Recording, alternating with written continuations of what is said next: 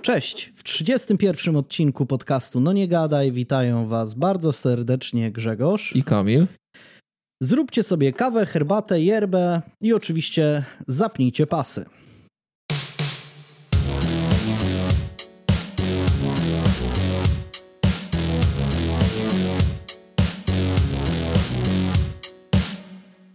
Wow, y, trochę było, trochę było przerwy.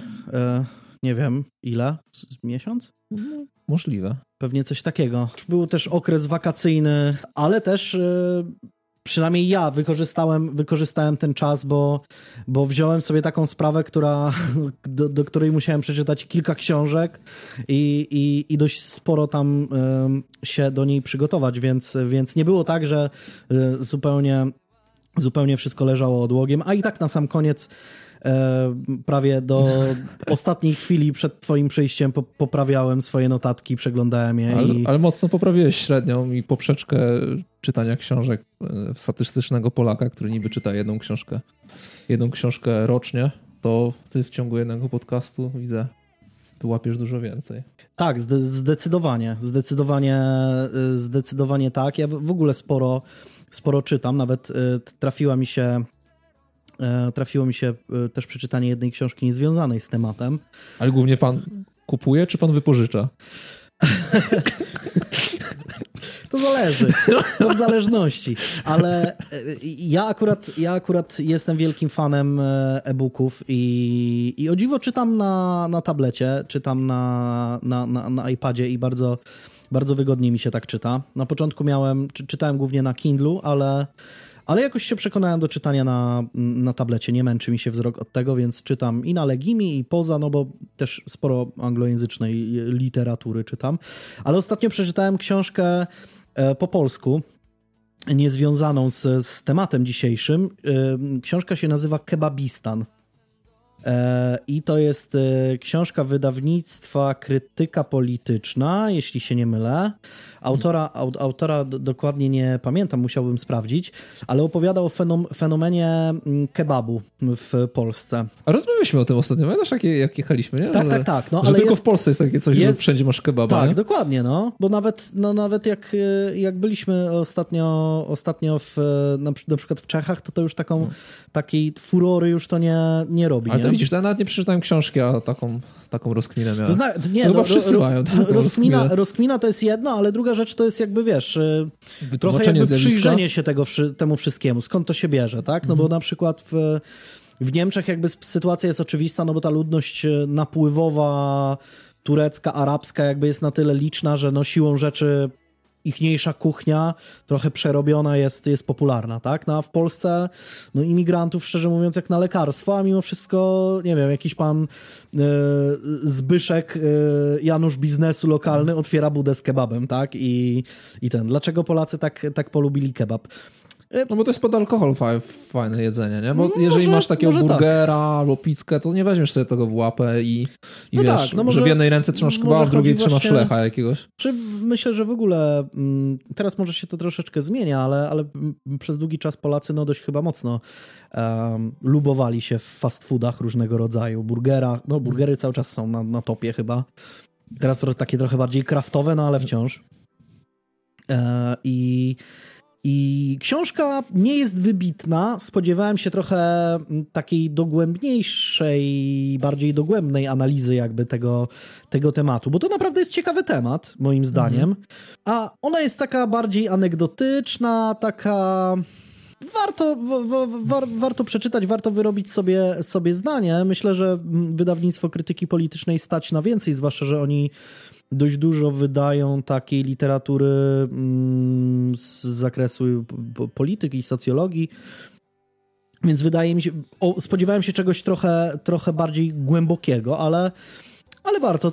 Całkiem, całkiem, całkiem e, sympatyczna książka, chociaż no, no mówię, spodziewałem się trochę, trochę więcej. No ale to była jedyna książka niezwiązana z dzisiejszą sprawą, którą przeczytałem przez ten, nie wiem, ja nie wiem, jaki ostatnio, e, ostatnio mieliśmy jaką przerwę, ale, ale nie, tak, no myślę, że z miesiąc. Aż, aż ja się trochę odzwyczaiłem od tego miejsca, aż mi się tak dziwnie siedzi No, no, tutaj. no, no, trochę, trochę, trochę tak. A druga rzecz, e, ostatnio jak już przeczytałem wszystkie książki, jakie miałem do przeczytania i, i robiłem sobie notatki, to w przerwach grałem w grę, która ostatnio wyszła i to jest e, Avengers. Mm, to, Aha, co... masz, masz tam gierkę. Tak, tak, o, tak. Proszę. E, z Avengers od Crystal Dynamics i wiesz co, jestem pozytywnie zaskoczony, bo szczerze mówiąc... e, Bo nie spo- grałeś Spidermana, no to masz... Nie masz wysoko za, no nie, postawionej Spider- poprzeczki. Spidermana nie grałem, podobno, podobno mm, system walk jest podobny. E, ale, a dla odmiany w Spider-Manie podobno Podobny system jest walki jest Batmana. podobny do Batmana, a Tak. Batmana bardzo lubię, więc e, znaczy bo, mówimy o Batmanach od Rocksteady i naprawdę, mm, naprawdę gierka jest bardzo sympatyczna. Ale już nazwałeś to E. gierką. No wiesz, Klosuch zawsze mówi, że są gry i gierki. No nie, No to już gra. zepsułeś całą swoją gra, gra, recenzję. gra, gra. E, O dziwo, jest w niej e, fabuła, jest tryb dla jednego gracza, bo ja jestem typowo singlowy, więc, e, więc no, gry, w których, w których nie ma mm, trybu dla jednego gracza u mnie trochę no w sumie odpadają na dobrą sprawę, bo bardzo mało gram po, po internecie. Bo nie mam kolegów, więc, więc, więc tak to wygląda. E, A, e, a jest fabuła i jest całkiem fajna. Co więcej, główną postacią e, na samym początku, wokół której się kręci cała historia, jest e, Kamala Khan, czyli Miss Marvel, e, którą bardzo lubię. Uwielbiam komiksy z Miss Marvel, z, właśnie z Kamalą. Nie mogę się doczekać em, filmu czy serialu, który ma powstać za jakiś czas. Myślę, że będzie bardzo, bardzo interesujący. Ba, ba, może to być bardzo ciekawa, ciekawa historia, bo postać jest naprawdę super, więc, więc gra jest warta, warta uwagi. Znaczy później to się ogranicza do mm, takiego grindowania, e, expa, To zbierania trochę wtórne się zbierania różnego, ale myślę, że to może być taka fajna gra, po pewnym czasie może to być fajna gra taka, że wiesz, siadasz sobie Spider-Man od- też taki był, sobie nie? kilka meczyków, nie? Wiesz, tam bi- bijesz sobie tych, tych ludzików, grindujesz sobie tą postać, zbierasz jakieś tam nowe, nie wiem, szatki, łatki, szmatki i tak dalej i wiesz, i wyłączasz. No, no w Spider-Manie tak też tak FIFA, było, tak? nie? Że grasz sobie, nie wiem, to że nie jest kostiumy, taka gra, że... kostiumy, wiesz, zbierałeś sobie kostiumy, zbierałeś plecaki, jakieś tam żetony Tak, przestępstw, no, coś no, takiego, no, no, że, że- że po prostu sobie wbić się później- chwilę porobić coś po- po- i, i, mm, i skończyć. mniej więcej do tego się to mm, później, później ogranicza. Z tym, że podejrzewam, że jakby ta gra rozwija skrzydła dopiero jak grasz sobie tam z kumplami, wiesz, i jeden tam jest Torem, drugi jest, nie wiem, na przykład y, Hulkiem, bo można grać Torem, Hulkiem, Ironmanem e, i Kamalą e, i Czarną Wdową. Póki co. Podobno mają być kolejne postaci. Ma być chyba między innymi Hawkeye, e, ma być Spider-Man, ale tylko na PS-a e, i tam kilka innych postaci. Myślę, że to może być, może być fajne, wiesz, jak będą wprowadzać kolejne postaci, które jakby będą wymuszały też zmianę trochę gameplayu, nie? No bo taki Doctor Strange już no jakby zupełnie inaczej się bije od takiego Hulka na przykład, tak? Więc Myślę, że to może być całkiem fajna gra i jakby z takim powietrzem y, do rozwoju jakiegoś, więc zobaczymy, co z tego, co z tego wyniknie. Fajna gierka, tylko obecnie kosztuje No Znowu powtórzyłeś gierkę. spore pieniądze. Przepraszam. Spore, spore pieniądze obecnie kosztuje. Myślę, że mm, póki co aż, aż taka wybitna nie jest, żeby za nią płacić tam, nie wiem, 300 zł. Ale Jezus jest, Maria, chłopie. ale jest, e, jest sympatyczna. Mm, Daje sporo, sporo zabawy, więc... A, i Kapitanem Ameryką można grać. Chyba jego nie wymieniłem. A jest bardzo fa fajna gra nim. Można rzucać tarczą. Znaczy, jak, tam- jak widziałem e, filmiki, to tylko Hulk mi się podobał, bo czuć było tą siłę trochę, jak on biegł, a reszta tak, tak średnio, przynajmniej z filmików. Y, Hulkiem fajnie się walczy, super walczy się na przykład Torem, bo jest cała jakby mechanika taka, że rzucasz tym młotem i możesz zaplanować po, jakby powrót tego młota, tak go pokierować, że jak on powraca, to też zabijasz, uderzasz w kolejnych No bo, ty, przeciwników. no bo ty, dzieciaku, nie grałeś w God of War'a, nie? To nie znasz takich rzeczy. No nie, nie grałem w God of War'a, tak samo nie wiem, nie, nie, nie grałem w masę innych gier na różne inne konsole, no. Więc, e, więc szanuję, sz- szanuję jak najbardziej God of War'a, bardzo, bardzo ciekawa gra z tego, co oglądałem gameplaye, nie było mi dane zagrać, ale, ale, ale szanuję. e, No i to jest e, gra, bardzo. to jest gra, ale, to nie jest gierka. Ale tak, no. E, Co tam słychać? Nie zapytałem się ciebie o to, co tam słychać u ciebie. No to tak się rozgadałeś, widzisz. Właśnie naj, najgorzej, jak nagrywamy po takiej dłuższej przerwie, I tak To się okazuje, że przez ten no, cały czas się nic nie się działo. nic nie robiło. No. Widzisz. O, zostałem wielkim fanem NBA na przykład, ale to już wiesz. Tak, tak, tak. No, nawet Y- ostatnio ten, ostatnio stworzyliśmy trzyosobowy fanklub e, Luki Doncicia. Luki Doncicza, no. Tak, tak. Mam, mam koszulkę Luki Doncicia, no niestety odpadł w NBA, ale No no niestety. to przepłakałem kilka nocy. No ja też e, ze względów sportowych przepłakałem e, kilka, kilka nocy, bo jest taka jedna drużyna, co odpadła z eliminacji Ligi Mistrzów. No ale szkoda strzępić ryja, więc co tam słychać? No tylko to w sumie, no, ze szczęśliwych wiadomości Tylko to, to. właśnie, że Legia odpadła, no to można, Tak, to, to, to można no, to traktować jako... Nie, no nie, tak, nie żartując sobie, no to fajnie by było jakby awansowali, no wiadomo, że raczej się kibicuje wszystkim drużynom. Ja naprawdę kibicuję wszystkim. Teraz no, w tej Lidze Europy kibicuję naprawdę, naprawdę wszystkim e, drużynom.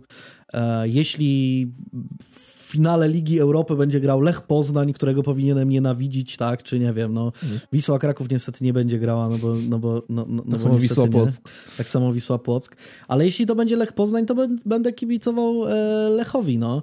E, Chyba, że zagra nie z jestem- Piastem Gliwice. Nie jestem nienawistnym jakimś kibicem, tylko, tylko tak jest, że po prostu jakoś bliżej mi do, do, do, do tej Legii, za, za, za którą jestem zazwyczaj częściej szkalowany niż, niż jakby ta, ta, ta moja sympatia jest ceniona wśród niektórych, więc no, no niestety, no tak to jest. Ale ja zawsze bardziej za słabszymi, więc No Widzisz, ale w końcu ci się to odpłaci. No, tak jak ja zawsze byłem w NBA za Toronto Raptors, bo zawsze byli ostatni, zawsze byli na końcu, zawsze byli z tego innego kraju niż, niż ze Stanów. no tak. I zawsze byli na dole, a teraz w zeszłym roku mistrzowie NBA. No widzisz, no. w, końcu, w końcu się odpłaci. Może tak, no może, może kiedyś Legia też wygra Ligę, Mistrzu, Ligę No, Mistrzów i, No to ja będę i, tu pod stołem szczekał i powiem wtedy. wtedy, teraz szczekał. wszyscy szczekać pod stołami. No. Szczekać pod stołami. Zbiorowe szczekanie zrobimy. Pytacie się, gdzie jest Legia? Legia jest w Lidze Mistrzów. No.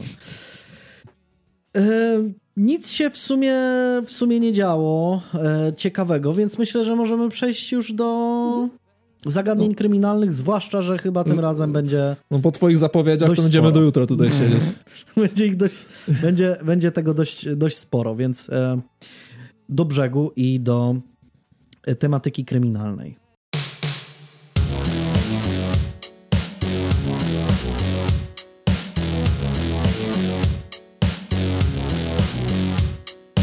Więc, e, więc tak, e, moją historię rozpocznę trochę nietypowo, bo będzie to taka mała zagadka dla ciebie. Jak myślisz, co łączy rapera Blachę, Brigitte Bardot, Eminema, Anitę Lipnicką, Arianę Grande, grabarza z pijamy porno Beyoncé, y, Tupaka i Papa Dance. O kurde. Jest to pewna sprawa kryminalna. A, pewna sprawa kryminalna. I Tak. Papa Dance tam jest? Naprawdę? Tak. Właśnie już miałem wszystko połączone, kropki, nie? Tylko to Papa Dance mnie, mnie zbiło Papa. Dance jest z innej bajki. trochę, No nie? totalnie nie pasuje. No, Papa Dance z jednej strony, z drugiej Eminem, no ciężko, ciężko to, ciężko to, ciężko to zgrać. To- Nie wiem, nie mam, nie mam pomysłu. A ma jakaś podpowiedź? E, Podpowiedź jest, y, jest muzyczna, ale pewnie wtedy już będziesz wiedział o co chodzi, bo to po ale prostu... Dobrze, że nie mam wizji, bo wtedy bym był jak, ten, jak w jeden z dziesięciu, jak jest, wiesz, sprawa, ten, właśnie jest pytanie jest muzyczne i wtedy skierowanie na gościa i on tak pięć minut stoi i robi taką awkward minę. E, dobra. Nigdy nie będziemy jak Bonnie i Clyde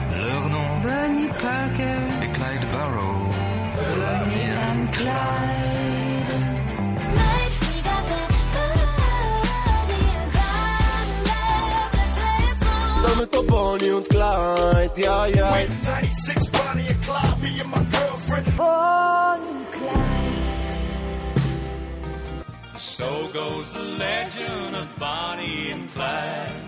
97 Bonnie and Clyde, me and my daughter Bonnie and Clyde, hoping Jak Bonnie i Clyde, jak chmura i deszcz.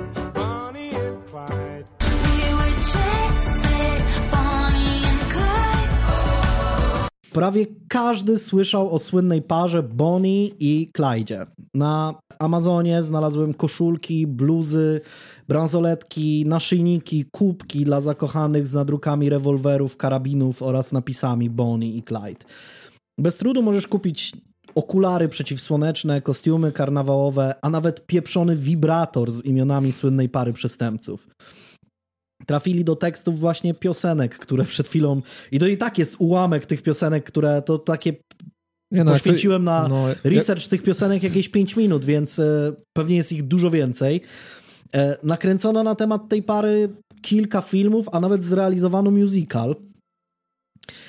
E, więc no, nie podlega wątpliwości, że każdy, prawie każdy o nich słyszał, tak? Każdemu coś to mówi, tak? Że ktoś jest jak Bonnie i Clyde, że są nierozłączni, że są albo z drugiej strony kojarzy się to z miłością, jak Romeo i Julia i tak dalej.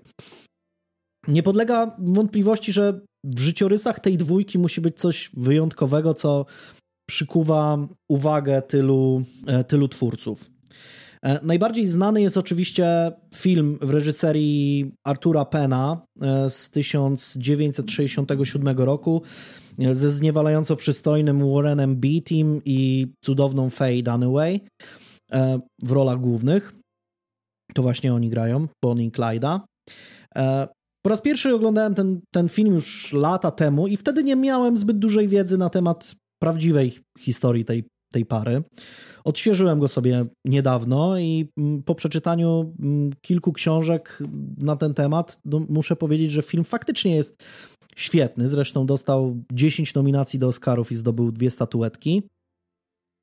No ale Akademia nie daje nagród za historyczną dokładność. E, Autor jednej z najlepszych biografii Bonnie i Clyda, Jeff Ginn, e, twierdzi, że film jest z tą prawdziwą historią spójny jedynie w 5% i no trudno się z nim nie zgodzić. E, Ty w ogóle słyszałeś o Bonnie i Clydzie? To znaczy, znasz tę historię? Wiesz co, dokładnie nie znam, no jako takie ikony właśnie popkultury, co wspomniałeś. no to super. Nie? To, To, mnie, bardzo, to mnie bardzo, bardzo cieszy, bo w sumie... zawsze os- jesteś na zwycięskiej pozycji, bo ja nie jestem aż tak obczajony w tych wszystkich kryminalnych No historiach. ale to jest, więc... wiesz, to jest taka... mm, To jest coś takiego, że z jednej strony ktoś może znać, bo, bo często oni się pojawiają w jakichś filmach gangsterskich. Ostatnio um, Bonnie i Clyde pojawili się w serialu Highwayman na Netflixie, w którym grał Woody Harrelson, więc niektórzy mogą znać zwłaszcza tę końcówkę ich historii, e, o której zaraz wszystko wam powiem. E, No ale... ale to mnie cieszy, że nie znasz tej, tej, tej historii, więc Bo tak byś musiał skończyć. więc tak ci w, w, wszystko, wszystko w takim razie opowiem. Ale jeśli e, Bonnie i Clyde kojarzy wam się tylko z romantycznymi, wymuskanymi historyjkami z piosenek i filmów, no to czeka was prawdopodobnie niemałe zaskoczenie. Clyde Chestnut Barrow e, przychodzi na świat 24 marca 1909 lub 1910 roku w niewielkiej mieścinie Tellico e, w hrabstwie Ellis w Teksasie. E, W tak zwanym mm, pasie bawełnianym. Mm, Po angielsku to się nazywa Cotton Bell, bo gospodarka mm, tego, tego obszaru w tamtych czasach utrzymuje się głównie z uprawy bawełny. Rozbieżność w dacie urodzenia mężczyzny wynika z tego, że w oficjalnych dokumentach podana jest data wcześniejsza, za to matka Clyda w kronice rodzinnej zapisze datę 1910 roku. Z jakiegoś po- powodu Wikipedia podaje datę mm, 1909 jako jedyną pewną, ale nie mam pojęcia skąd y, mają taką stuprocentową pewność. Po prostu no, źródła są, są sprzeczne. No ten rok w tą czy w tą to się można pomylić. Oczywiście, że tak. Oczywiście, że tak. Chłopiec jest piątym z siedmiorga dzieci małżeństwa farmerów Henry'ego i Kiumi Barrowów. Jako dzieciak nie sprawia większych problemów, mówi wszystkim dzień dobry, jest uważany za miłego, ruchliwego chłopca. Co ciekawe, wykazuje też wyjątkowe zainteresowanie nauką. Z przyjemnością po wypełnieniu obowiązków na farmie idzie do szkoły, chodzi też do kościelnej szkółki niedzielnej. I no to dość jest niecodzienne w, w tamtych rejonach, e, bo mm, warto wziąć pod uwagę na przykład to, że jego ojciec i starszy brat nigdy nie nauczą się czytać i pisać. Nie cieszy się mm, mały Clyde jednak za długo wiejską sielanką. W wyniku pogarszającej się sytuacji ekonomicznej po wojnie mieszkańcy wsi tabunami przeprowadzają się e, do miast w poszukiwaniu pracy. Nie inaczej jest z rodziną e, Barrowów, bo w 1922 roku przeprowadzają się do Dallas. Z jednej strony miasto rozwija się niezmiernie dynamicznie. E, Wybudowany zostaje Majestic Theatre, e, w którym można na żywo zobaczyć największe gwiazdy od Houdiniego po Mae West, a także obejrzeć najnowsze premiery kinowe. Nad miastem góruje też świeżo otwarty 29-piętrowy Magnolia Building.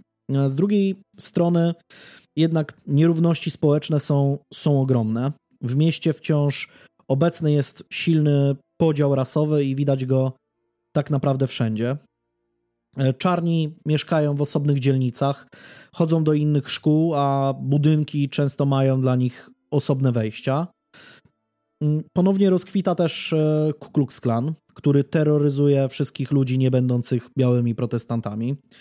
E, Głównie się mówi w, kontek- w kontekście Ku Klux Klanu, głównie się mówi o czarnych, ale tak naprawdę dostają wszyscy, łącznie z katolikami, e, ludźmi innych ras, latynosami i tak dalej.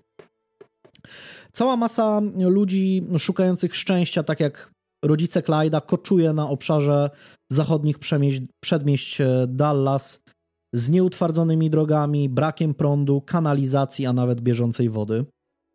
Rodzina Barrowów na początku śpi pod mostem, a później trafia do obozowiska, na terenie którego mieszka więcej takich jak oni. Przez pierwsze miesiące śpią pod swoim powozem, bo nie stać ich nawet na zakup namiotu. Warunki sanitarne w obozowisku są tak koszmarne, że mm, zachorowania na tyfus czy dyfteryt są na porządku dziennym. Ojciec Clyda, nie mogąc znaleźć e, pracy w pobliskich fabrykach, decyduje się na zbieranie złomu, dzięki czemu rodzina ma jakiekolwiek pieniądze na życie. Synowie zresztą czasami pomagają ojcu, podkradając z różnych miejsc cenny metal, który później Henry zawozi na skup. To właśnie tam, na zachodnich przedmieściach Dallas, powstaje prawdziwa wylęgarnia lokalnych mentów i kryminalistów, nazywana werandą diabła. I właśnie w takim klimacie biedy, głodu i braku nadziei na jakikolwiek awans społeczny dorasta mały Clyde Barrow. Chłopak próbuje na początku zarabiać w sposób legalny i zatrudnia się w kilku lokalnych przedsiębiorstwach. Pensja jednak zdecydowanie go nie zadowala i starcza na realizację jego młodzieńczych marzeń, zwłaszcza, że w miarę możliwości stara się pomagać rodzicom ledwo wiążącym koniec z końcem. Marzy też o zaciągnięciu się do amerykańskiej marynarki wojennej. Jego kandydatura zostaje jednak odrzucona z powodu stanu zdrowia spowodowanym przebytą we wczesnym dzieciństwie chorobą. Prawdopodobnie były to jakieś powikłania po malarii lub żółtej febrze, które są wtedy dość powszechnymi chorobami. Byłem zdziwiony, że malaria była powszechną chorobą na terenie Dallas, no bo raczej się to kojarzy, nie wiem, z Afryką czy, czy nie wiem, Ameryką Południową, tak samo żółta febra, ale, ale podobno tak. E, podobno tak. E, Co więcej, Clyde był na tyle pewien jakby tego, że dostanie się do marynarki wojennej, że nawet wytatuował sobie em, na ramieniu bodajże mm, Navy, e, bo, bo tak marzył o dostaniu się do marynarki, no ale mm, czekał go, mm, czekało go rozczarowanie w tej Wie, kwestii. wiele osób robi taki błąd jest, wiesz, mają tatuaż, nie wiem, Helena czy Ania i No tak, później no. trzeba to kreślić. No, to prawda. Nastoletni Clyde, chcąc e, zaimponować dziewczynom, wydaje większość swoich funduszy na ubrania. Nie chce wyglądać jak syn farmerów. Zachowało się zresztą zdjęcie z 1926 roku, kiedy chłopak ma jakieś 15-16 lat. E, I na tym zdjęciu Clyde pozuje wraz z jedną ze swoich pierwszych miłości. Jest ubrany w jasny garnitur, ma starannie ułożone włosy z wyraźnie zaznaczonym przedziałkiem, a w rękach trzyma pasującą do całego luku fedorę. To taki rodzaj kapelusza w tamtych czasach bardzo popularny. Na, in, na innej fotografii też z tamtych czasów e, siedzi na zderzaku czarnego Forda T. E, Fordy T zazwyczaj były czarne. E, Ma na sobie jasny dwurzędowy garnitur i fedorę w e, podobnym kolorze. Nie trudno więc uwierzyć w to, że w połączeniu ze zniewalającym uśmiechem i poczuciem humoru chłopak jest uważany za bardzo przystojnego. Chęć zrobienia wrażenia na jednej z jego ówczesnych miłości kończy się zresztą jego pierwszym aresztowaniem, bo chłopak, mając zaledwie 16 lat, wypożycza samochód, by zabrać swoją dziewczynę na przejażdżkę, e, ale nie zwraca jednak samochodu na czas e, i firma zgłasza kradzież. E, Zarzuty jednak zostają wycofane i chłopak unika problemów. Samochód wraca do firmy, więc no jakby większego problemu nie ma. E, Clyde, mając na wyciągnięcie ręki tętniące życiem Dallas, pełne luksusowych sklepów, szybkich samochodów, bogaczy ubranych w szyte na miarę garnitury, nie może się po prostu pogodzić ze swoim losem. Razem ze starszym o 6 lat bratem Marvinem, na którego wszyscy mówią Buck, e, szybko wkracza na drogę konfliktów z prawem. To, co zaczyna się na początku dość niewinnie, szybko przeradza się w coraz poważniejsze występki. Clyde wraz z Buckiem coraz bardziej rozsmakowują się między innymi w napadach rabunkowych, ale specjalistami stają się zwłaszcza w jednej dziedzinie, a mianowicie w kradzieży samochodów. W latach dwudziestych motoryzacja totalnie podbija serca Amerykanów, a wszystko dzięki Henry'emu Fordowi, który wprowadza na rynek modele T i A, oczywiście firmy Ford. I te błyskawicznie zapełniają drogi, jak to mawia młodzież, trafiają pod strzechy. Nie, tak mówią starzy ludzie. Nie, no tak mówi. mówi Nie!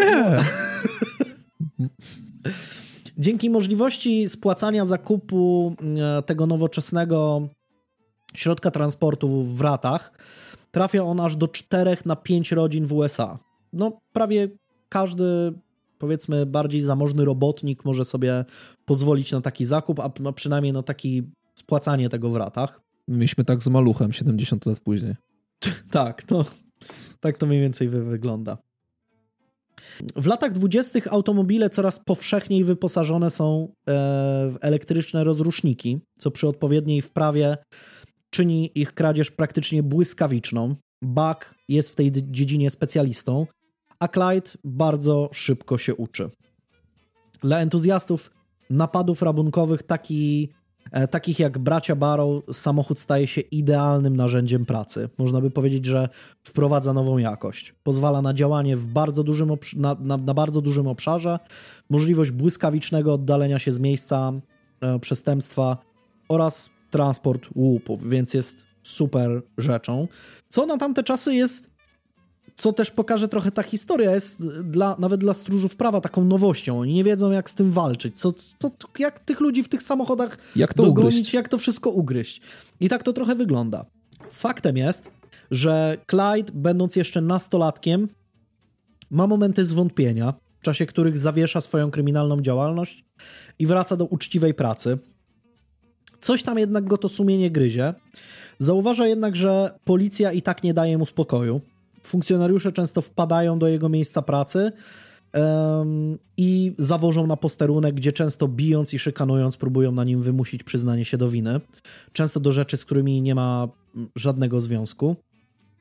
Znajoma rodziny Barrowów powie w jednym z wywiadów po latach, tu cytat, gdy tylko został skradziony jakiś samochód lub doszło do włamania na czyjejś posesji, policjanci od razu wieźli Clyda na przesłuchanie. Naloty w sposób oczywisty nie podobają się jego pracodawcom i ci kilkukrotnie zwalniają go tylko dlatego, że budzi nadmierne zainteresowanie policji.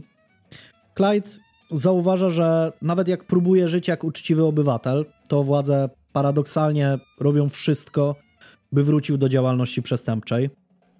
Zauważa, że niezależnie od tego, czy coś przeskrobie, czy nie, i tak czuje oddech policji na plecach. W wyniku takich przemyśleń w okolicach roku 1929 chłopak na dobre wraca do złodziejskiego fachu, rozszerzając swoją działalność również poza, e, poza Teksas. No i właśnie pod koniec e, tego roku wraz z Buckiem i jeszcze jednym wspólnikiem udają się do miasta Denton, odległego o mniej więcej 70 km od Dallas. Tam pod osłoną nocy kradną samochód, włamują się do jednego z domów, z którego zabierają kosztowności. Włamują się też do jednego z warsztatów samochodowych, z którego wynoszą cały safe. Wszystkie łupy pakują do samochodu, którym wyruszają w stronę Dallas. Jak zwykle młodszy mm, z braci Barrowów e, siedzi za kierownicą. Z jakiegoś powodu jednak zostaje podniesiony alarm i policyjny radiowóz rusza za złodziejami w pościg. Pomimo tego, że Clyde jest świetnym kierowcą, to popełnia błąd. E, Z pełną prędkością najeżdża na krawężnik, co skutkuje pęknięciem osi i zupełnym unieruchomieniem samochodu. Mężczyźni pró- próbują co prawda uciekać piechotą, ale policjant otwiera do nich ogień. Buck zostaje trafiony w oba uda i schwytany. Em, ale a tylko młodemu Barrowowi udaje się uciec i tymczasowo cieszy się wolnością.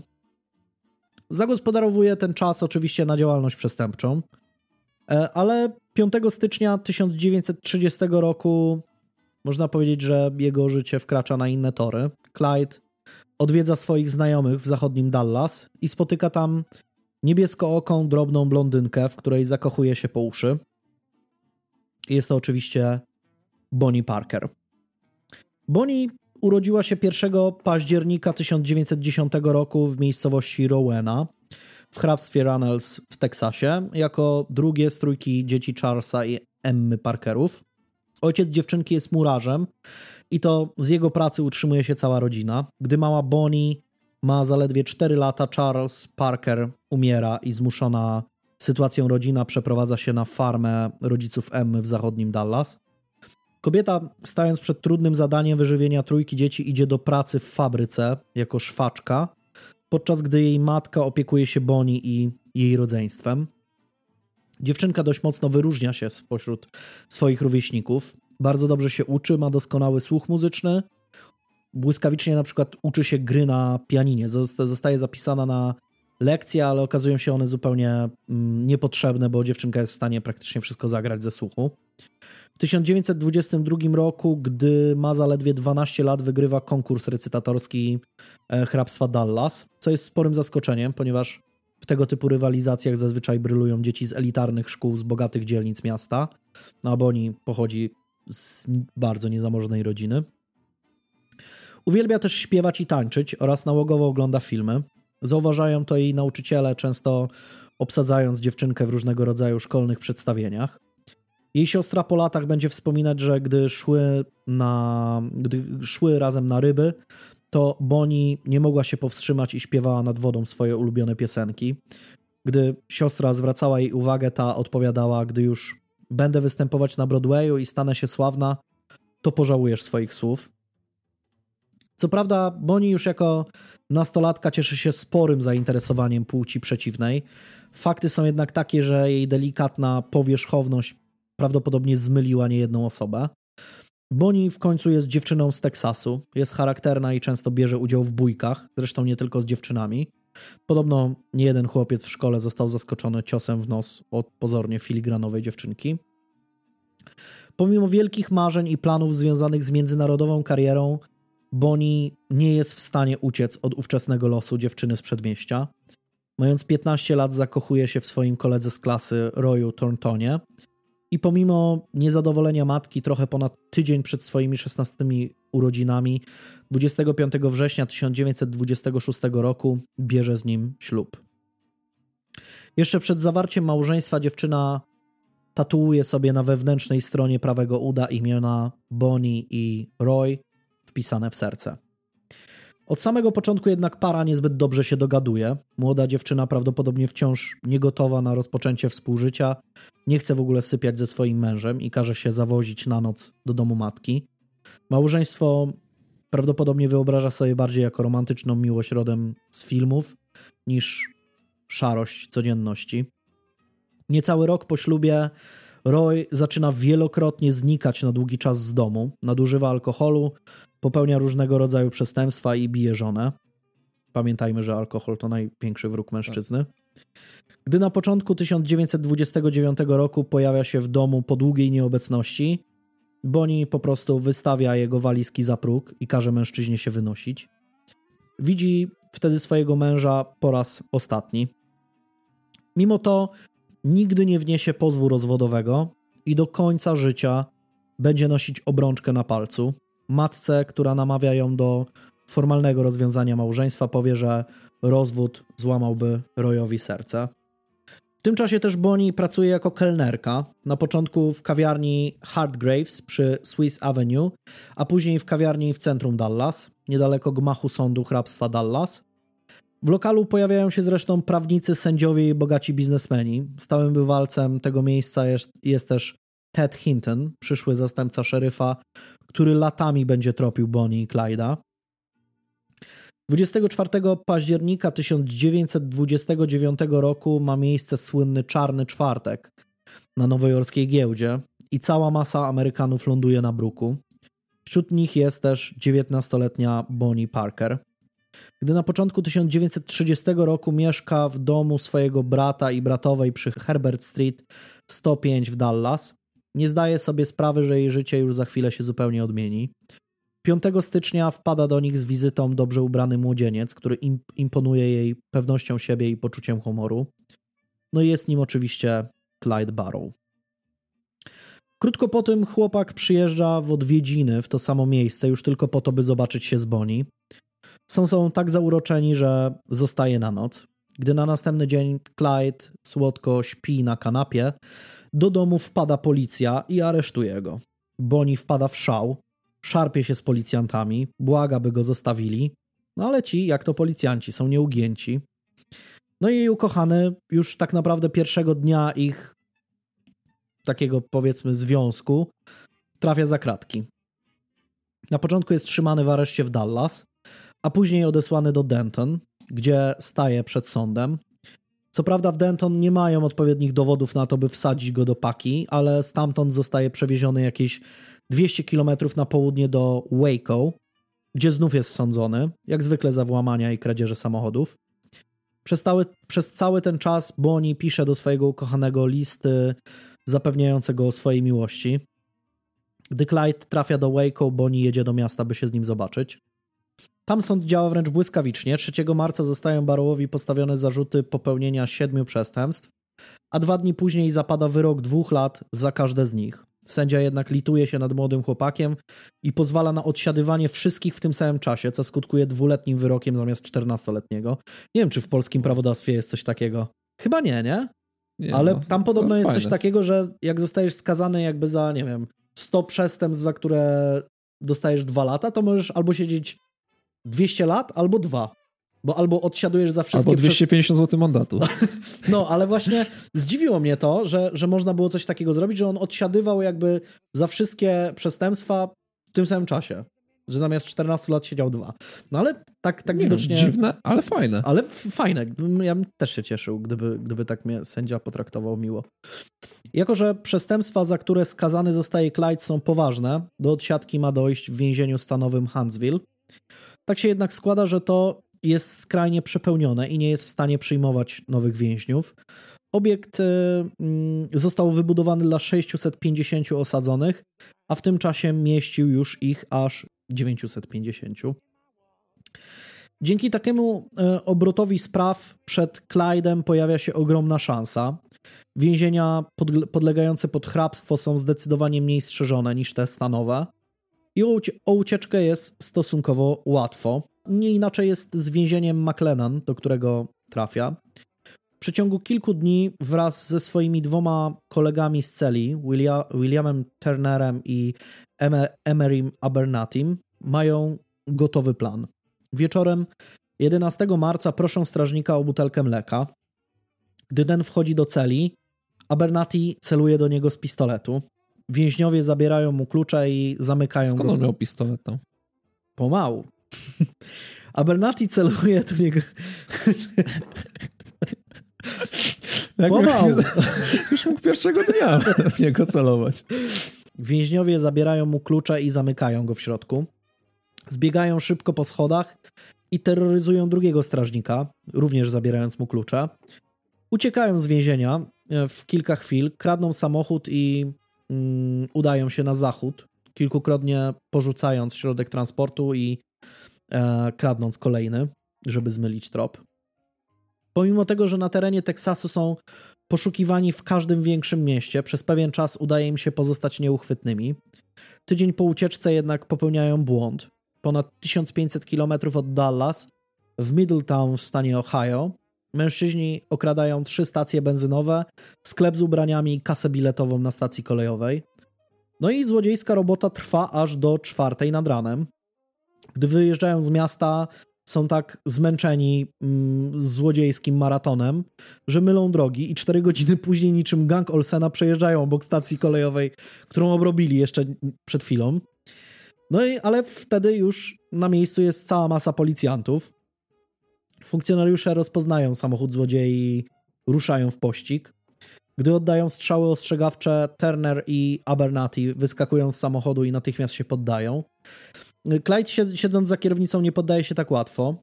Ucieka przed policją jeszcze przez ponad godzinę.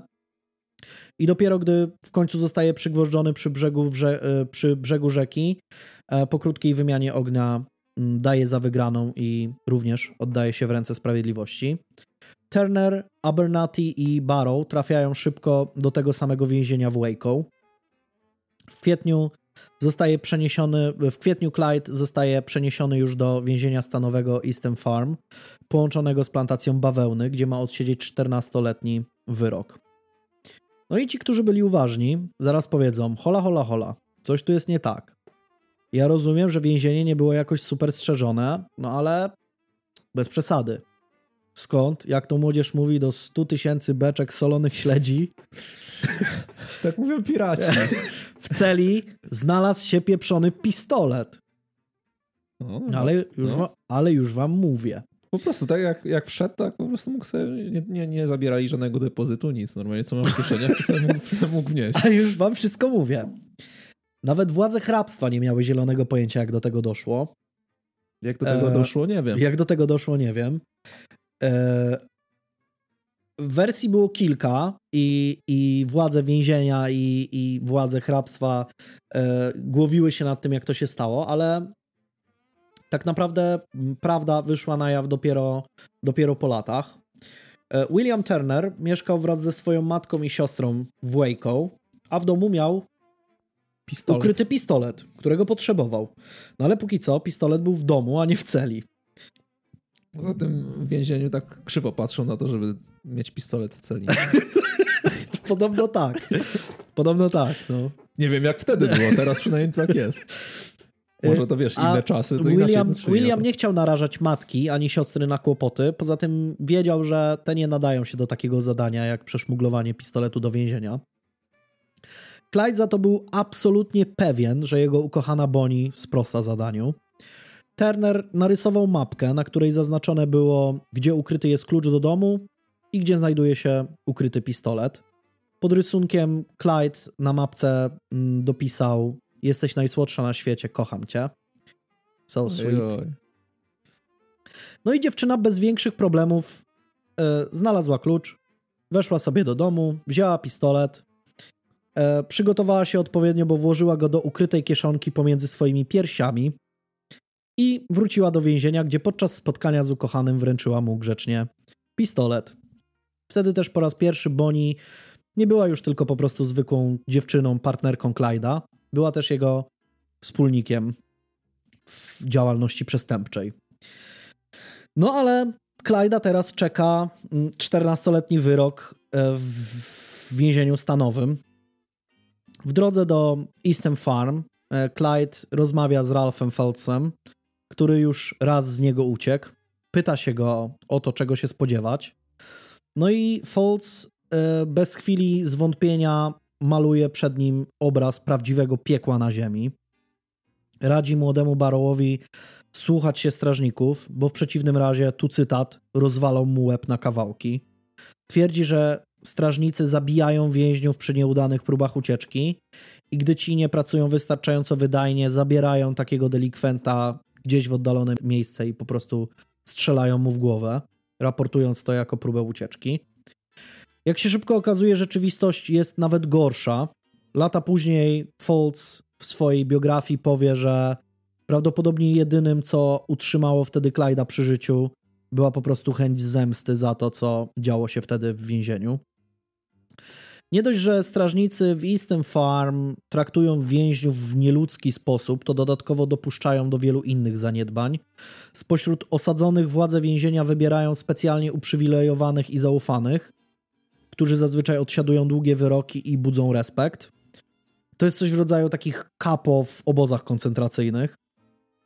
Ich rolą w teorii jest pomaganie strażnikom w otrzymaniu porządku, a w praktyce sprowadza się to głównie do brania czynnego udziału w biciu i znęcaniu się nad więźniami. E, Jednym z takich oprawców jest Ed Crowder, skazany na wiele lat za napad na bank. Crowder wyjątkowo upatruje sobie młodego Barrowa, nad którym znęca się fizycznie i psychicznie. Ralph Fultz w swojej biografii twierdzi też, że Crowder za niemym przyzwoleniem strażników więziennych wielokrotnie gwałci chłopaka. Pod koniec 1931 roku Clyde nie jest już w stanie dłużej wytrzymać tego koszmaru. Wykorzystuje fakt, że Crowder jest znienawidzony przez wszystkich i zmawia się z jednym z więźniów, O'Brayem Scalejem, odsiadującym wyrok 50 lat. Wieczorem 29 października Clyde wychodzi do toalety, wiedząc, że jego oprawca pójdzie za nim. Gdy tylko Crowder wchodzi do pomieszczenia, Barrow uderza go z całej siły metalową rurą w głowę. Wtedy do akcji wkracza Scully, uzbrojony w nóż i dźga wielokrotnie i tak już śmiertelnie zranionego mężczyznę.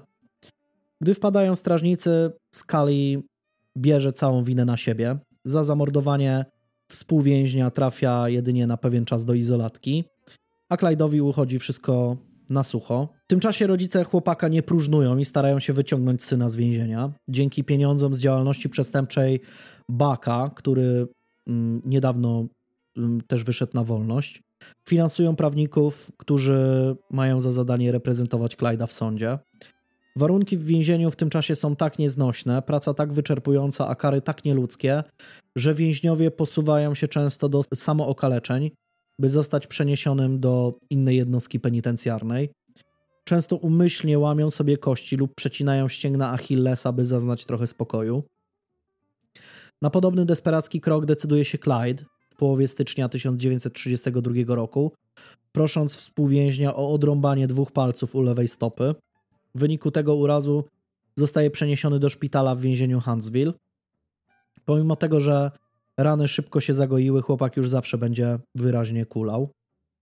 27 stycznia 1932 roku prawnikom wynajętym przez Barrowów udaje się wywalczyć warunkowe zwolnienie. Kilka dni później Clyde wychodzi na wolność. Foltz w swojej biografii powie, że ta odsiadka bezpowrotnie zmieniła chłopaka. E, mm, Foltz nawet powie coś takiego, że Clyde przyszedł do więzienia jako uczniak, jako młodziak, a wyszedł jako grzechotnik.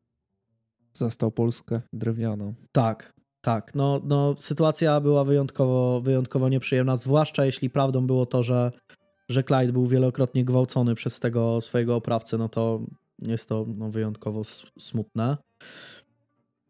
E, Fulcowi zresztą z więzienia udało się wyjść mniej więcej w tym samym czasie. Po wyjściu z więzienia Clyde przez pewien czas próbuje znowu wrócić do stylu życia prawego obywatela. Zatrudnia się w kilku przedsiębiorstwach, ale za każdym razem kończy się tak samo. Lokalni policjanci wciąż nie dają mu spokoju, wielokrotnie wyprowadzając go z miejsca pracy i brutalnie przesłuchując w sprawach, z którymi nie ma nic wspólnego. Co więcej, pobyt w więzieniu odcisnął na nim wyraźne piętno. Clyde ma problemy z panowaniem nad swoimi emocjami, nie może się skupić, e, jest nadpobudliwy i często wybucha złością, co oczywiście nie podoba się jego pracodawcom. Pewnego dnia wraca do domu wściekły i mówi do swojej matki: Nie mam zamiaru nigdy więcej pracować i nigdy nie wrócę do tego piekła. Będą musieli mnie zabić, będą musieli mnie zabić. Jak się okaże, Clyde dotrzyma tej obietnicy. Siedząc w Eastem, Clyde wielokrotnie rozmawiał z Folsem, że gdy wyjdzie na wolność, to wróci do Eastham, by zemścić się za krzywdy i wypuścić z niego wszystkich więźniów, którzy przechodzą tam to samo co on. Chłopak traktuje tę obietnicę zupełnie serio i ma zamiar ją zrealizować. Nie jest jednak wariatem. Zdaje sobie sprawę, że do, do realizacji takiego planu będzie potrzebował dużej ilości pieniędzy, ludzi i broni. Podczas odsiadki współwięźniowie wielokrotnie mm, opowiadali Clyde'owi o tym, jak obrabiać banki. Zwracali uwagę na odpowiednie przygotowania, obserwacje, zaplanowanie całego skoku. Barrow wraz z Fultzem mm, i jeszcze jednym kompanem mają okazję szybko wykorzystać swoją wiedzę i napadają na bank w mieście Lawrence w stanie Kansas, z którego z łatwością rabują 1000 dolarów. Nie brzmi to spektakularnie, no ale obecnie takie 1000 dolarów byłoby warte mniej więcej 20 tysięcy, więc to już brzmi lepiej. Za część zdobytych pieniędzy kupują karabiny maszynowe Thompson i kamizelki kuloodporne. Clyde swoją działkę z pierwszego skoku na bank w większości rozdaje rodzinie i potrzebującym przyjaciołom. Pozwalało to nie tylko na ulżenie bliskim w biedzie, ale też na zapewnienie lojalności w razie gdyby policjanci zaczęli zadawać jakieś pytania. 17 kwietnia 1932 roku Clyde postanawia wdrożyć plan wyzwolenia więzienia w życie. Jedzie razem z Bonnie i Foltzem do Eastham, gdzie Parker pod fałszywym nazwiskiem spotyka się z Obreyem Scalejem i informuje go o zamiarach Clyda. Następnej nocy trójka udaje się na wschód Teksasu, by ukraść samochody, które pozwoliłyby na transport więźniów. Kradną Chryslera i Buicka, tak się chyba czyta te Buick, tak? Tak się ta Nie- marka nie samochodu? pojęcia. Buick chyba. Miałem totalne zaćmienie umysłu. Oczywiście nazwę tej marki wymawia się Buick. To tyle, lecimy dalej. Po czym postanawiają e, okraść sklep z bronią w mieście Kaufman. Zostają jednak zauważeni i po krótkiej strzelaninie Bonnie i Foltz zostają ujęci, a Barrowowi udaje się uciec. 20-letnia dziewczyna po raz pierwszy w życiu trafia wtedy do aresztu i oczekuje na proces, pisząc wiersze. Między innymi ten o tytule The Story of Suicide Soul, który zachował się do dzisiaj. Bonnie używa w nim pewnego rodzaju gry psery, którą zna jedynie z opowiadań detektywistycznych i gangsterskich czasopism pulpowych. Widać, że jest totalnie zafascynowana przestępczym życiem, traktuje go jak przygodę i, i jakąś f- fantastyczną zabawę.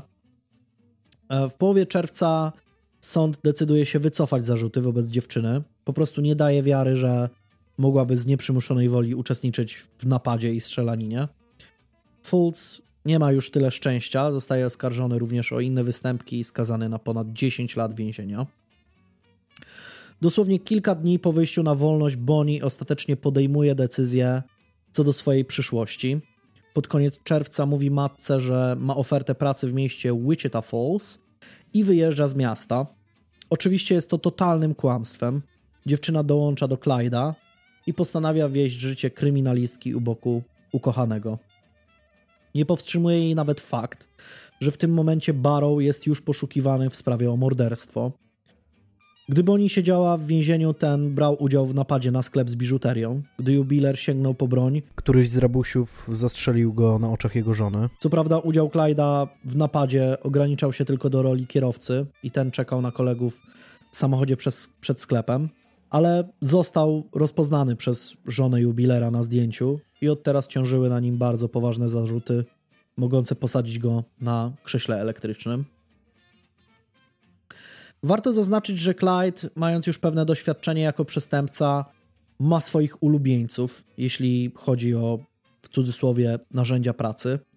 Po pierwsze, jest absolutnie zakochany w właśnie na rynek 4-litrowym silnikiem Ford V8 Flathead, generującym zawrotne 75 koni mechanicznych i pozwalającym osiągnąć prędkość maksymalną powyżej 125 km na godzinę. Podobno ten samochód był nawet w stanie pojechać, zwłaszcza w tej najbardziej topowej wersji, 145 km na godzinę. Ale to z Ale- górki. Słucham? Ale z górki. Nie, podobno nie. Ale przy takim obciążeniu e, silnik bardzo szybko się przegrzewał, więc to było, można było go tak żyłować no, przez tam krótszy czas. To pozwala bez trudu uciec przed każdym radiowozem niedofinansowanej w tamtych czasach policji. Henry Ford dostanie zresztą list chwalący pod niebiosa możliwości silnika V8 jego produkcji, podpisany imieniem i nazwiskiem słynnego przestępcy, choć większość biografów podważa jego autentyczność. E, Clyde i jak, jak to przystało na dość rozsądnego przestępcę, jest y, nauczony, że zawsze lepiej uciec niż wdać się w strzelaninę. Ale gdy jednak konfrontacja okazuje się nieunikniona, Barrow gustuje zwłaszcza w jednym modelu broni. Nie jest nim o dziwo symbol gangstera lat 30., czyli pistolet maszynowy Thompson, znany z gier, filmów i tak dalej, zwłaszcza z tym okrągłym magazynkiem. Barrow mm, Clyde gustuje w większym kalibrze, a mianowicie w karabinie automatycznym Browninga, znanym powszechnie pod nazwą Bar. Kto Call grał of w Call, Duty 1, no kto grał w. Call of Duty, ten wie. Ta broń na tamte czasy to prawdziwe cacko. Zasilany jest 20-nabojowym magazynkiem i przy ogniu ciągłym jest w stanie go opróżnić w mniej niż 3 sekundy. Clyde nie bawi się w półśrodki. Używa zazwyczaj amunicji 3006 Springfield w wersji z pociskiem przeciwpancernym ze stalowym rdzeniem, co pozwala na przebicie grubej stalowej blachy, kamizelek kuloodpornych czy nawet ceglanych murów. Od tego momentu kariera przestępcza Bonnie i Clyda rozkręca się na dobre, będąc na dobrą sprawę nieprzerwanym ciągiem napadów, strzelanin, spektakularnych ucieczek. Nie opowiem o każdym incydencie po kolei, bo była ich naprawdę cała masa. Skupię się na tych najważniejszych. 5 sierpnia 1932 roku Clyde wraz ze swoimi kompanami Raymondem Hamiltonem i Rossem Dyerem Niektóre wersje wskazują, że był z nimi jeszcze jeden mężczyzna. Jadą ukradzionym samochodem w okolicach Stringtown w stanie Oklahoma, gdzie zatrzymują się na przydrożnej potańcówce, by wypić kilka kolejek. Podobno e, głównie byli zainteresowani bimbrem, który tam był przedni. Jak na złość, w tym samym miejscu zupełnie przypadkiem zjawiają się szeryf hrabstwa Atoka, y, Charles Maxwell, wraz ze swoim zastępcą Eugene'em Murem. Stróże prawa rozpoznają przestępców i chcą ich aresztować. E, Podchodzą do tego dość niefrasobliwie, bo mm, jeden ze stróżów prawa po prostu podchodzi do nich i Dzień dobry, mówi, chciałbym pana aresztować. no właśnie mówi coś w tym. Podobno powiedział coś w stylu. E, możecie, się może, e, możecie się uznawać za aresztowanych, coś w tym stylu. Myślał, że oni po prostu się podniosą rączki i wsiądą grzecznie do radiowozu. Tak to nie działa. Ale niestety, jak się okazuje, tak to nie działa, a przynajmniej nie w wypadku Clyda i jego ekipy. E, natychmiastowo Barrow i Hamilton otwierają ogień. Maxwell zostaje trafiony 6 razy, a Moore raz. Jest to jednak trafienie śmiertelnie, i- śmiertelne i 31-letni mężczyzna umiera na miejscu. Jest pierwszą ofiarą gangu. Clyde'owi i towarzyszom udaje się zbiec. Szeryf Maxwell cudem uchodzi z życiem, ale jest skazany na trwałe kalectwo. Krótko po tym incyd- incydencie Ross Dyer zostaje aresztowany przez policję i wyjawia tożsamość swoich towarzyszy, którzy zastrzelili zastępcę szeryfa. Jednocześnie ostrzega, że członkowie gangu Barrowa są uzbrojeni po zęby i prędzej zginą, niż oddadzą się w ręce sprawiedliwości. Najwidoczniej policja i członkowie biura szeryfa nie dają wiary, bo w poniedziałkowym wydaniu Daily Times Herald um, 8 października informują, że przed końcem tygodnia z pewnością dojdzie do aresztowania członków gangu Barrowa. Czas pokaże, że nie mogli się bardziej mylić. Jak to mówi Aleksander Jabłonowski, spadło im z pyska za łatwo. Załatw.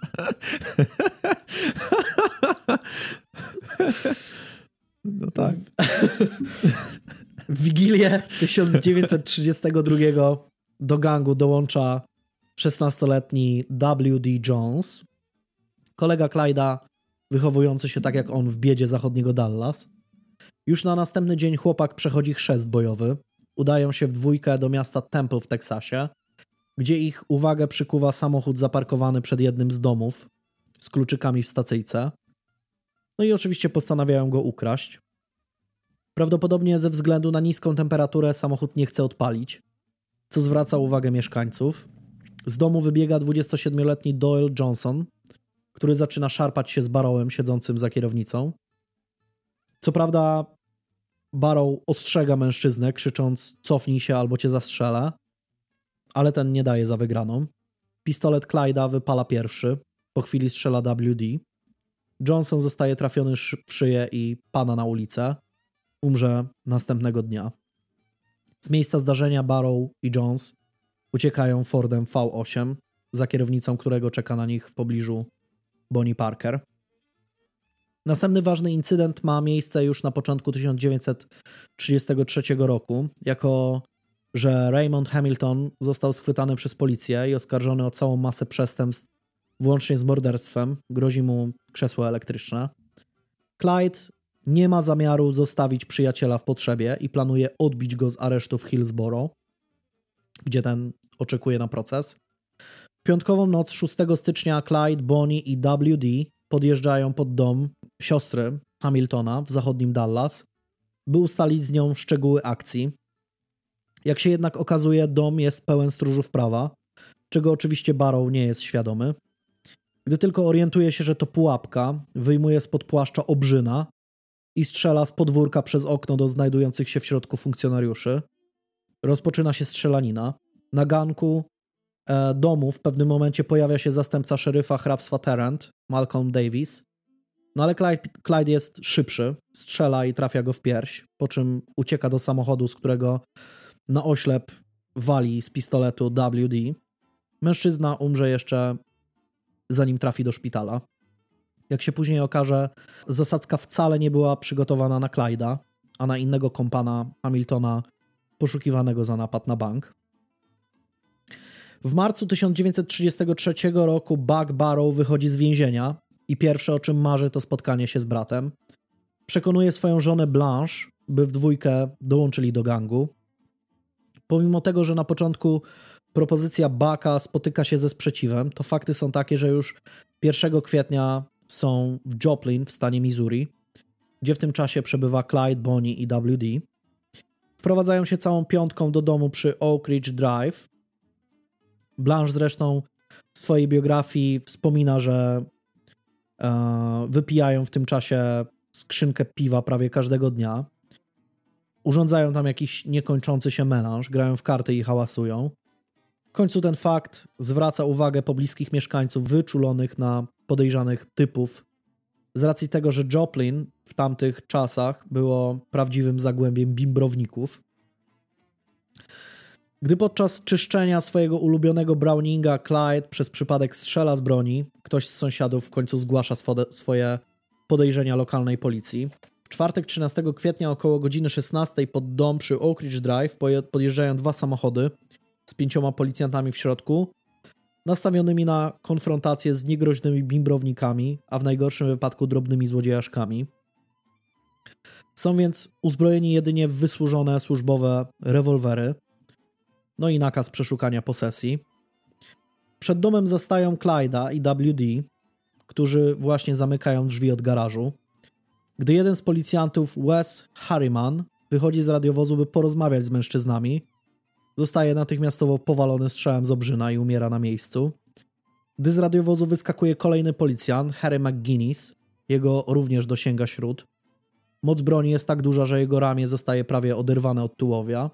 Umrze przeciągu kilku godzin. Rozpoczyna się strzelanina. WD zostaje trafiony w lewy bok, Clyde w klatkę piersiową. Obie rany są jednak niegroźne. Buck za to jest jedynie draśnięty. Całe serie z potężnych karabinów bar sieją popłoch wśród stróżów prawa. Cała piątka wykorzystuje moment, wskakuje do niezawodnego Forda B400 z silnikiem V8 i błyskawicznie ucieka z miejsca zdarzenia. Policjanci są tak zszokowani przebiegiem wydarzeń i siłą ognia, że nikt nawet nie rusza za nimi w pościg. Po przeszukaniu kryjówki funkcjonariusze znajdują całą masę rzeczy osobistych członków gangu Barrowa. Dokumenty, zdjęcia, aparaty fotograficzne z wieloma niewywołanymi kliszami, a nawet wiersz Bonnie, Suicide Soul, który wkrótce z całą masą zdjęć trafi do prasy. Wśród nich e, będzie m.in. fotografia, na której Bonnie pozuje wraz z Clydem, trzymając w rękach strzelbę i sięgając po jego rewolwer zapasem. Największą furorę zrobi jednak zdjęcie Bonnie z cygarem w zębach i rewolwerem w dłoni. W czasach, gdy kobiety rzadko wychodzą poza rolę kury domowej, taki obrazek na pierwszych stronach gazet w całych Stanach Zjednoczonych robi niesamowite wrażenie. W czasach, gdy Amerykanie są tłamszeni przez system i sytuację gospodarczą, Bonnie i Clyde stają się żywymi symbolami wolności i sprzeciwu. Z drugiej strony ambitny szef FBI John Edgar Hoover, stając przed rosnącym problemem przestępczości zorganizowanej, właśnie w tym czasie wypowiada jej wojnę, co wkrótce zacznie przynosić efekty. Sława oczywiście jest bardzo nie na rękę gangowi Barrowa. Z tego też powodu przez następne trzy miesiące są praktycznie w ciągłym ruchu, podróżując po różnych stanach, innymi Indianie, Minnesocie, Teksasie, Florydzie, Mississippi i Georgii. Ich życie codzienne staje się coraz bardziej uciążliwe. Spanie w przydrożnych motelach niesie za sobą duże ryzyko, więc zazwyczaj śpią w samochodzie lub obozują pod gołym niebem przy ognisku, kąpiąc się w rzekach. Przez ten czas napadają na banki, stacje benzynowe, warsztaty i oczywiście kradną auta. 15 maja Clyde'owi i Bonnie udaje się spotkać z rodziną w ustalonym odosobnionym miejscu w zachodnim Dallas. 10 czerwca Clyde, Bonnie i WD jadą samochodem w okolicach miasta Wellington w Teksasie. W pewnym momencie Barrow nie zauważa znaku informującego o zniszczonym moście. W wyniku jego nieuwagi samochód spada do jaru i ląduje na dachu. Na Bonnie wylewa się benzyna, która momentalnie się zapala. Inne źródła wskazują, że poparzenia były spowodowane wyciekiem kwasu z akumulatora. No ale niemniej jednak są one bardzo poważne. WD w swoich wspomnieniach opisze je tak. Była tak bardzo poparzona, że wszyscy podejrzewali, że już z tego nie wyjdzie. Na jej prawej nodze od biodra aż do kostki nie było skóry, miejscami widać było gołą kość. Mimo to Bonnie udaje się przeżyć, choć jej stan jest bardzo poważny. Ledwo może chodzić, zazwyczaj albo skacze na jednej nodze, albo jest noszona przez Clyda. Policjanci, którzy pojawiają się na miejscu wypadku, zostają porwani przez gang i porzuceni dopiero 70 km dalej, już w stanie Oklahoma.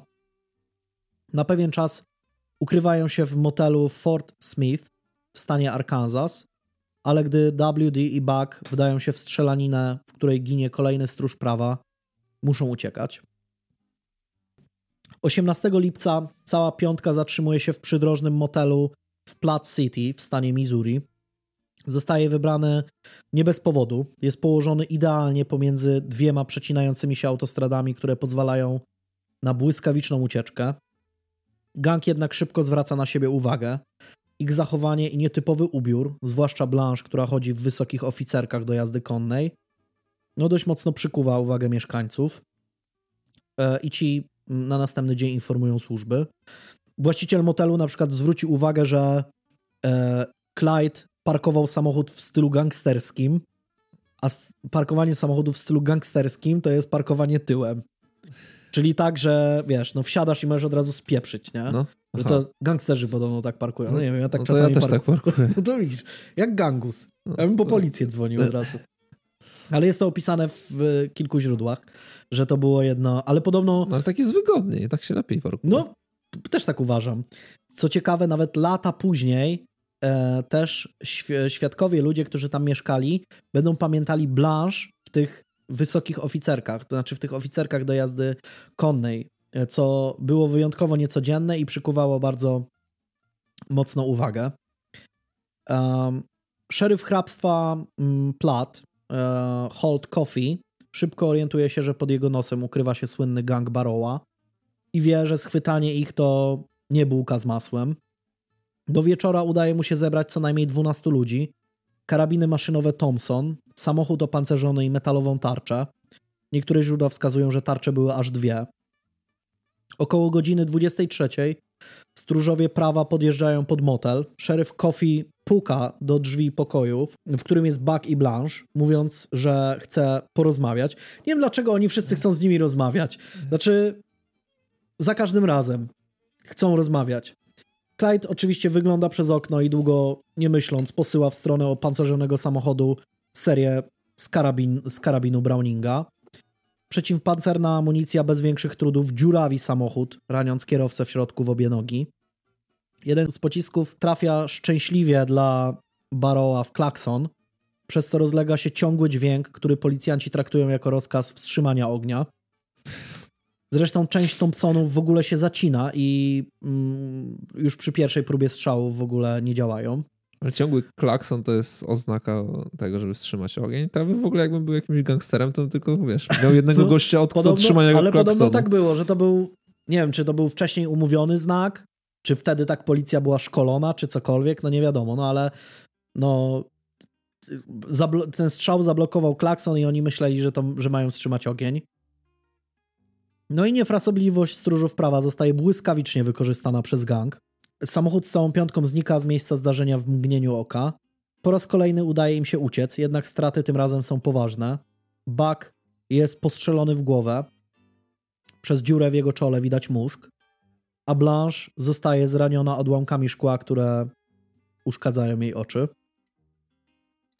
E, Stan starszego z braci Barrowów jest na tyle groźny, że gang zatrzymuje się 24 lipca w opuszczonym parku rozrywki niedaleko miasta Dexter w stanie Iowa. I tam też bardzo szybko zwracają na siebie uwagę.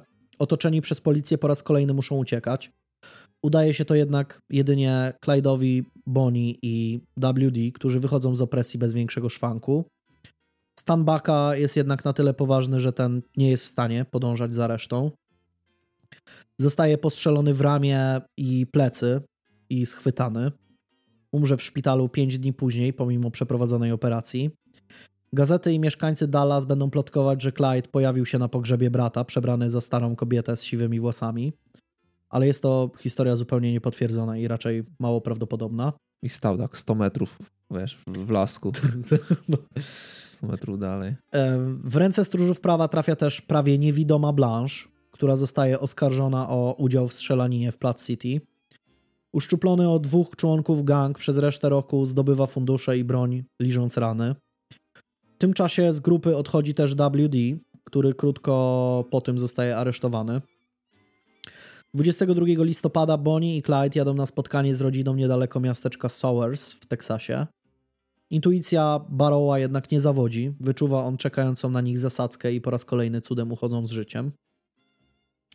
16 stycznia 1934 roku Clyde realizuje swój dawny plan i wczesnym rankiem przeprowadza atak na więzienie Easton Farm, w wyniku którego uwalnia swojego kompana Raymonda Hamiltona i czterech innych osadzonych. Podczas strzelaniny postrzelony zostaje strażnik e, Major Crowson, który umiera w szpitalu kilka dni później. Inny strażnik jest poważnie ranny. Kierownik więzienia Lee Simmons przysięga swojemu konającemu koledze, że wyśledzi bandytów odpowiedzialnych za atak na więzienie i wszyscy poniosą śmiertelną karę. Faktycznie, najwidoczniej wtedy przelewa się czara goryczy. Teksański Departament Więziennictwa zatrudnia do tej roboty najlepszego i najtwardszego gościa w okolicy. Tommy Lee Jonesa. Prawie. Jest nim Frank Hammer, O, jeszcze gorzej. emerytowany strażnik Teksasu, O. który od tamtego czasu podąża za gangiem Barrowa jak cień w wynajętym Fordzie V8. No i słuchaj, wiem, chyba ci ten Ford zapłacił za dzisiejszy odcinek. no ale naprawdę Clyde podobno był wielkim fanem Fordów i wielkim fanem silników V8. Zresztą nie dziwię się, jeśli w tamtych czasach mogłeś nim polecieć 135 km na godzinę, to był jakiś totalny, totalny ten, total, totalna wyścigówka. No ale Frank Hamer, czy tam ha Hamer chyba się czyta to nazwisko. Hammer. Frank, Hamer, Frank Hamer. Frank Hamer. Hey folks, I'm Frank Hamer. No i facet to prawdziwy robocop, bo specjalizuje się w łapaniu groźnych kryminalistów. Podczas swojej służby własnoręcznie zastrzelił ich aż 53, Co? samemu przyjmując aż 17 kulek, bez większego uszczerbku na zdrowiu. Co to jest za człowiek? Nie wiem, jak to wygląda obecnie, tak ile przeciętny policjant zastrzelił przestępców, ale to Ale 53 to jest wystąp. Taki ale powyżej kole- przeciętnej wynik. Koleś jest jakimś absolutnym, nie wiem, zabijaką, ale to jest autentyczny, autentyczny, autentyczny człowiek i to właśnie o nim jest ten serial Netflixa e, The Highwayman. Więc można obejrzeć.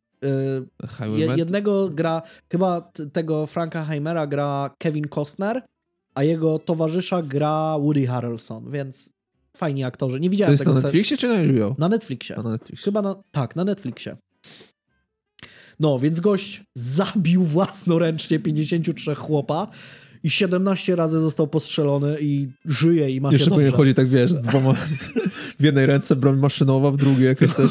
No normalnie jakiś Rambo. No. Ale faktycznie koleś is- istniał i nawet nagrywał film, jak y, ścigał, bo, bo Kurde, fajnie, jeszcze nawet takie vlogi robił.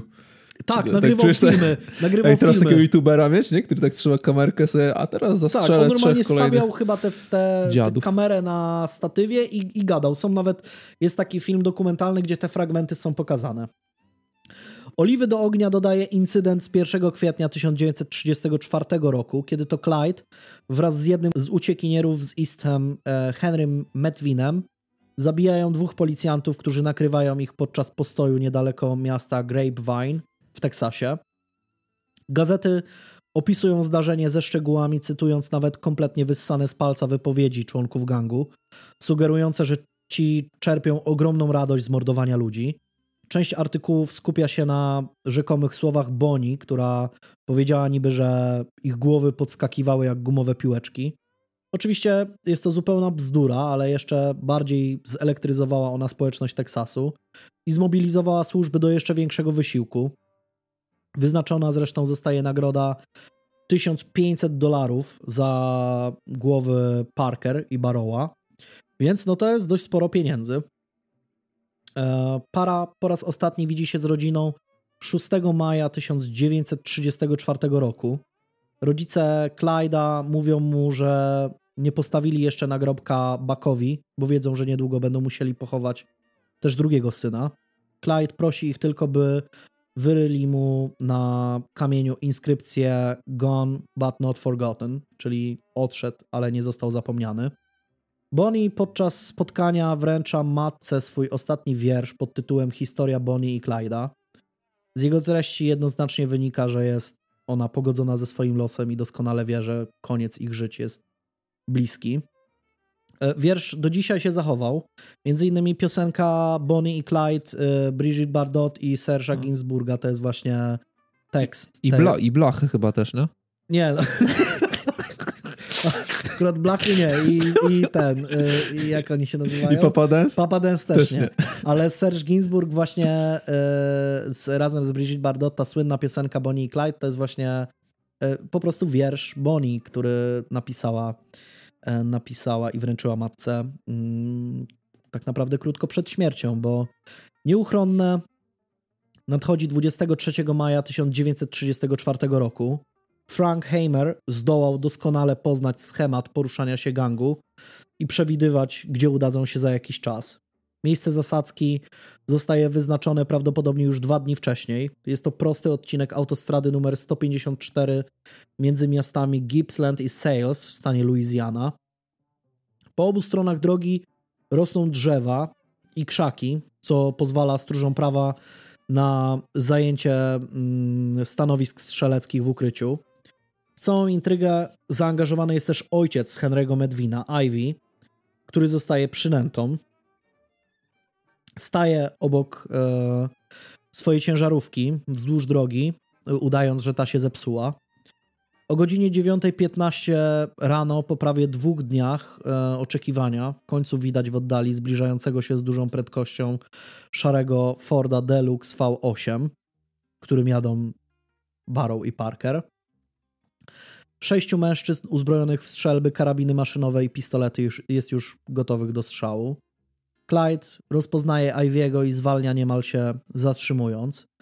W tym momencie zastępca szeryfa Prentice Oakley nie wytrzymuje napięcia i bez rozkazu oddaje dwa strzały z karabinu samopowtarzalnego Remington Model 8. Jeden z tych strzałów jest celny. Pocisk trafia Clyda prosto w lewe ucho, natychmiastowo go zabijając. Słychać przeszywający krzyk Boni, który ułamek sekundy później zostaje zagłuszony istną kanonadą. Samochód zostaje podziurawiony jak sito. Pomimo tego, że oboje mieli pod ręką broń, nie zdążyli oddać nawet jednego strzału. Późniejsze oględziny pokażą, że w auto trafiło 112 pocisków. Późniejsza autopsja pokaże, że Clyde został trafiony 17 razy, a Boni 26, z tego każde z nich kilka razy w głowę. Nie mieli oczywiście nawet cienia szansy na wyjście z tego cało. Niektóre plotki wskazują, że Boni w momencie śmierci była w ciąży. Nie jest to jednak w żaden sposób potwierdzona informacja. Na miejscu szybko pojawia się cała masa gapiów. Ciała są otoczone przez policjantów, a mimo to komuś udaje się uciąć pukiel zakrwawionych włosów z głowy Boni i kawałek jej sukienki. Jeden z tych gapiów próbuje nawet odciąć palec u dłoni Clyda. Inny chce to samo zrobić z uchem.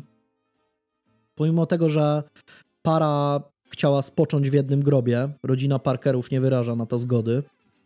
Matka Bonnie powie, tu cytat, miał ją przez dwa lata i zobacz, co jej zrobił. Teraz jest moja. Nikt inny nie ma do niej prawa. Pogrzeb Clyda ma miejsce 25 maja w Dallas na cmentarzu Western Heights, gdzie spoczywa w grobie razem ze swoim bratem. Na nagrobku znalazła się wybrana przez niego inskrypcja Gone but not forgotten. Pogrzeb Bonnie odbywa się dzień później, 26 maja na cmentarzu Fish Trap w Dallas i bierze w nim udział ponad 20 tysięcy ludzi. W.D. Jones dożyje aż roku 1974, co pozwoli mu zresztą zobaczyć słynny film Artura Pena. Co? Myślę, że słynny mecz Polska-Niemcy.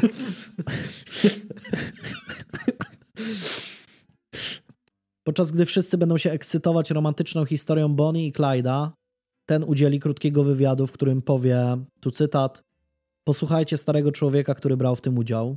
To było piekło.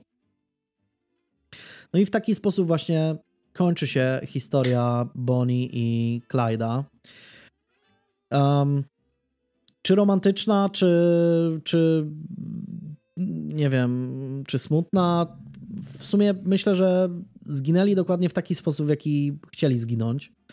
E, Byli z tym zupełnie pogodzeni, więc. em, ale nie uważam, żeby byli jakoś przesadnie szczęśliwymi, zwłaszcza w, te, w tych, tych ostatnich momentach, gdzie, gdzie, gdzie policja no już tam praktycznie e, no, była, była bardzo mocno na ich tropie. No oczywiście, tak jak mówię, na podstawie ich historii powstała cała masa różnych rzeczy, komiksów, e, między innymi w jednym z e, e, zeszytów Superboya, czyli Supermana ówczesnego. Superman walczy z Bonnie i Clyde'em. Właśnie ten serial z Kevinem Costnerem i Woodym Harrelsonem. Co więcej, znalazłem, i to znalazłem wczoraj, film Bonnie i Clyde kontra Dracula. O, I muszę obejrzeć ten film, więc może w następnym odcinku, jeśli uda mi się go gdzieś znaleźć, e, żeby go obejrzeć, to podzielę się swoimi, swoimi e, e, wrażeniami. Jeśli chodzi o źródła, to e, w dużej mierze, to znaczy opierałem się na kilku książkach. Jest bardzo ciekawa książka napisana przez Blanche Barrow, czyli żonę Baka, która no, dołączyła do gangu. I ta książka się nazywa My Life with Bonnie and Clyde. Jest ksi- książka taka e, bardziej biograficzna, Bonnie and Clyde, The Making of a Legend, bardzo ciekawa. I książka mm, Johna Gilmora, On the Run with Bonnie and Clyde, też, też interesująca. I czasami te książki się wzajemnie wykluczają, jeśli chodzi o jakieś różne detale, ale, ale ogólnie są bardzo, bardzo, bardzo dobre. E, Jest cała masa zdjęć, które, które trafią na fanpage i będziecie mogli sobie je obejrzeć. E, Są nawet też zdjęcia dość e, brutalne, z, pokazujące miejsce zasadzki i to, jak wyglądały między innymi ciała, no właśnie mm, Bonnie i Clyda po tym, jak ym, zostały no dosłownie podziurawie, podziurawione jak, jak, jak sito. Jest to no bardzo przykry widok, więc prawdopodobnie na Facebooka tego nie będę mógł wstawić, ale jak ktoś się będzie domagał, nie będzie mógł tego wygooglować, to, no to gdzieś nie tam to narysuj na przykład. to narysuję. Więc ta, to, to, to wszystko. Mam nadzieję, że nie wszyscy znali te, te, te historie. I, I trochę wam e, przybliżyłem to. To chyba będzie najdłuższy odcinek. Dobra, to w takim razie teraz e, słucham e, ciebie. To koniec pierwszej części odcinka 31. E, Już niedługo premiera części drugiej, w której Kamil opowie swoją historię. Czego ta historia będzie dotyczyła, gdzie będzie się rozgrywała, Niech na razie pozostanie tajemnicą. O tym dowiecie się z pewnością już niedługo, bo odcinek jest nagrany. Potrzebuje tylko montażu i pewnie już niedługo trafi do Was.